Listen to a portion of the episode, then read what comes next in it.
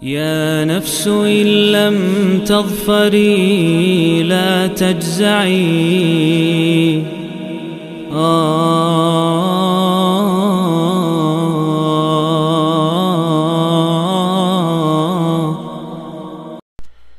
Bismillah, Alhamdulillah, wassalatu wassalamu ala rasulullahi amma ba'd.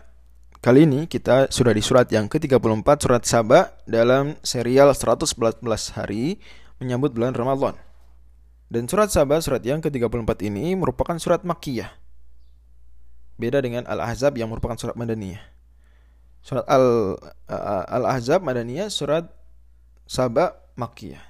Jadi surat Al-Ahzab memang surat Madaniyah yang diapit surat-surat Makkiyah. Dan surat Makkiyah pada akhirnya memang dominan di dalam Al-Quran. Surat Saba ini, kita kembali ke surat Saba, diturunkan setelah surat Luqman dan diturunkan sebelum surat Az-Zumar. Terdiri dari 54 ayat disebut dengan nama surat Saba karena memang Allah Subhanahu wa taala menyebutkan kisah negeri Saba di dalam surat ini. Saba adalah uh, kita boleh sebut negara kerajaan kerajaan Saba yang ada di Yaman. Kerajaan Saba mendahului kerajaan Himyar.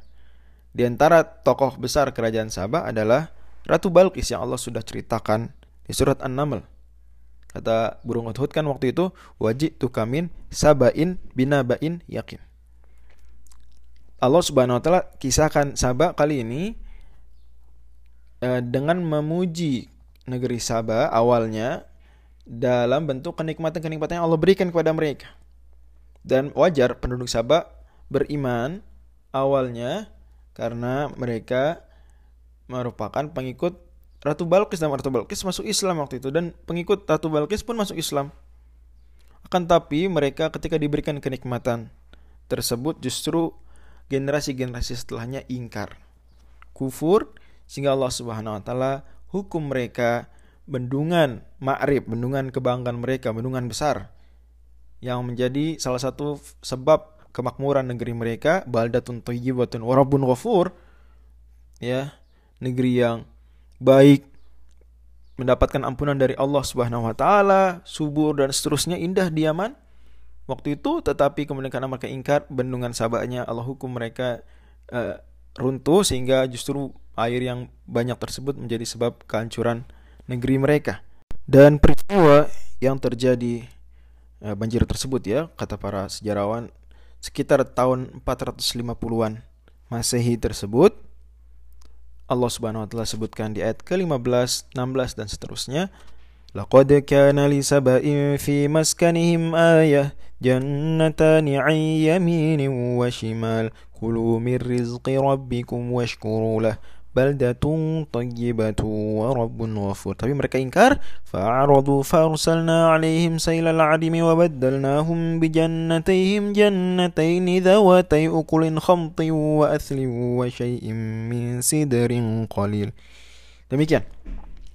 Nah, kemudian tema besar surat Saba itu sendiri kalau kita bisa lihat dari kisah Saba yang memang menjadi nama surat ini, maka tercermin tema besarnya adalah bahwa menjaga kenikmatan adalah dengan ketaatan. Menjaga kenikmatan adalah dengan ketaatan. Makanya Allah Subhanahu wa taala sebelum menceritakan sahabat, menceritakan dulu kerajaan yang terkait dengan sahabat. Ingat di surah An-Naml Allah Subhanahu wa taala kaitkan sahabat dengan kerajaannya Nabi Sulaiman. Allah ceritakan lagi di sini kerajaan Nabi Sulaiman dan Nabi Daud. Nabi Sulaiman adalah raja sekaligus nabi, anak dari raja sekaligus nabi Nabi Daud alaihi assalam di mana Allah Subhanahu wa taala jelaskan dengan kisah mereka berdua bahwa mereka adalah orang-orang yang bersyukur pada nikmat Allah Subhanahu wa taala padahal mereka jauh lebih kaya, lebih makmur dibandingkan sahabat. Tapi mereka bersyukur sehingga Allah Subhanahu wa taala jaga kenikmatan tersebut. Allah Subhanahu wa taala firmankan di ayat yang ke-10 walaqad ataina Dawuda minna fadla kami telah anugerahkan karunia kepada Nabi Dawud Kemudian Allah Subhanahu wa taala suruh Nabi Daud beramal soleh wa amalu solihah. Kemudian Allah Subhanahu wa taala juga sebutkan kenikmatan yang luar biasa atas Nabi Sulaiman, anak beliau. Wali Sulaiman ar-riha wuduha syahru wa rawahuha syahru wa asalna lahu 'ainal qitr. Bahkan tidak hanya itu. pun para jin tunduk bekerja di bawah perintah Nabi Sulaiman. Wa minal jinni may ya'malu baina yadayhi biizni rabbih. Insyaallah.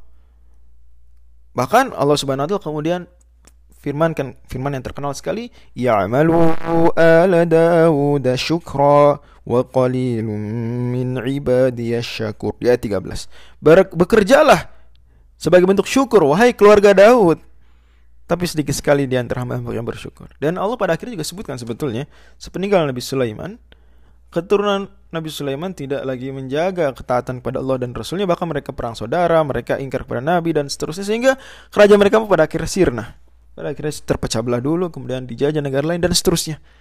Nasallallahu alaihi Tapi Nabi Daud dan Nabi Sulaiman teladan kontras dengan penduduk Sabah waktu itu. Kalau lihat e, kembali lagi ke kisah negeri Sabah, sebetulnya ada scene lain yang Allah sebutkan ya, yaitu ketika penduduk Sabah dengan sombongnya minta agar perjalanannya tidak lagi dibuat mudah antara Yaman menuju Syam. Jadi tadinya mereka berjalan dari Yaman ke Syam perjalanan mudah. Ingat Rilata Syitai Wasaif ini jalur perdagangan luar biasa ya antara Yaman dan Syam. Pun orang-orang Mekah Allah pu, Allah mention Allah sebutkan ini kenikmatan buat orang Mekah perjalanan jalur dagang Yaman dan Syam. Tapi orang-orang Yaman ini orang-orang Sabah ini malah minta perjalanan dibuat sulit. Kata Allah Subhanahu wa taala di ayat 19, "Faqalu rabbana ba'id baina asfarina wa zalamu anfusahum faja'alnahum ahaditha wa mazzaqnahum kulla mumazzaq." Jadi malah mereka minta sulit, Allah kasih sulit. Dan itu bentuk kesombongan mereka. Itu bentuk kesombongan mereka.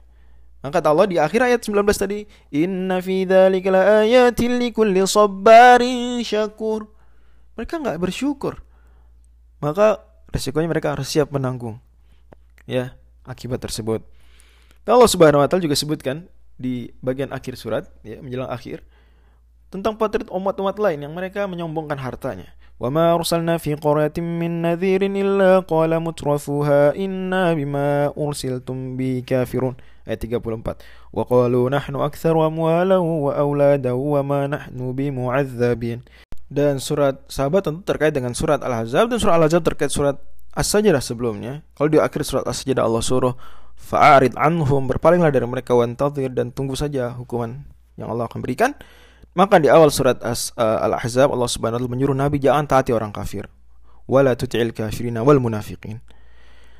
Kalau di surat Al-Ahzab Allah Subhanahu wa tutup dengan mengatakan wa kana Allahu ghafurur rahim. Allah Maha Pengampun, Maha Penyayang. Di surat awal surat Sabah Allah firmankan wa huwa rahimul ghafur wallahu